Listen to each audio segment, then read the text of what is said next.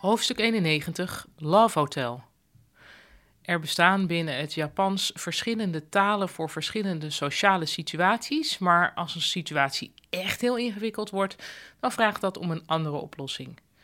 Zo'n ingewikkelde situatie doet zich voor in een love hotel. Die zie je veel in Japan. Zoals elk dorp een pachinko-hal heeft, is er ook altijd wel ergens een love hotel. Eigenlijk is een love hotel een sekshotel. Dat klinkt heel spannend slash ranzig, maar het is vaak een praktische oplossing voor stelletjes die bijvoorbeeld nog bij hun respectievelijke ouders wonen. Je huurt een kamer voor twee uur, geen druk verder, en daarna check je weer uit. Je kunt voor een bijzonder laag tarief ook overnachten in een love hotel.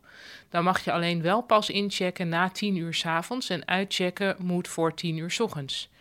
Ik heb dit veel gedaan toen ik in Japan studeerde en in de vakanties rondreisde. Het nadeel was dat je lang moest wachten in een café voordat je eindelijk je kamer in kon.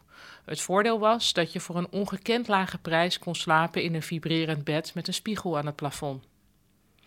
Maar hoe betaal je voor die kamer? Kijk, dit is dus zo'n ingewikkelde sociale situatie die niet op te lossen valt met Japanse beleefdheidsvormen.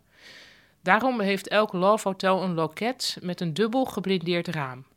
Je kunt de loketbeambte niet zien en vice versa. Je schuift je geld anoniem onder het raam door, zodat niemand face-to-face hoeft te erkennen dat hier iets schandelijks gebeurt. In het hotel worden de lakens meermaals per dag verschoond. Het personeel dat dit klusje moet opknappen, loopt met afgewend hoofd door de gangen. En een terzijde, een love hotel dat ik me goed herinner stond op het noordelijke eiland Hokkaido. Het hotel heette Tomato, wat mij enorm aansprak. Buiten lag anderhalve meter sneeuw, binnen was er een hartvormig bad met gouden glitters. In Hotel Tomato ontdekte ik dat een hartvormig bad heel onromantisch is. Als je elk in een tiet van het hart gaat zitten, raken alleen je voeten elkaar. Maar misschien is het Japans om juist dat erotisch te vinden.